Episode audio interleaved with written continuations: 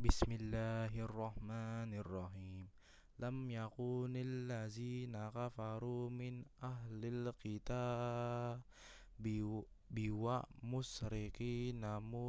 فقنا حتى تأتيهم البينة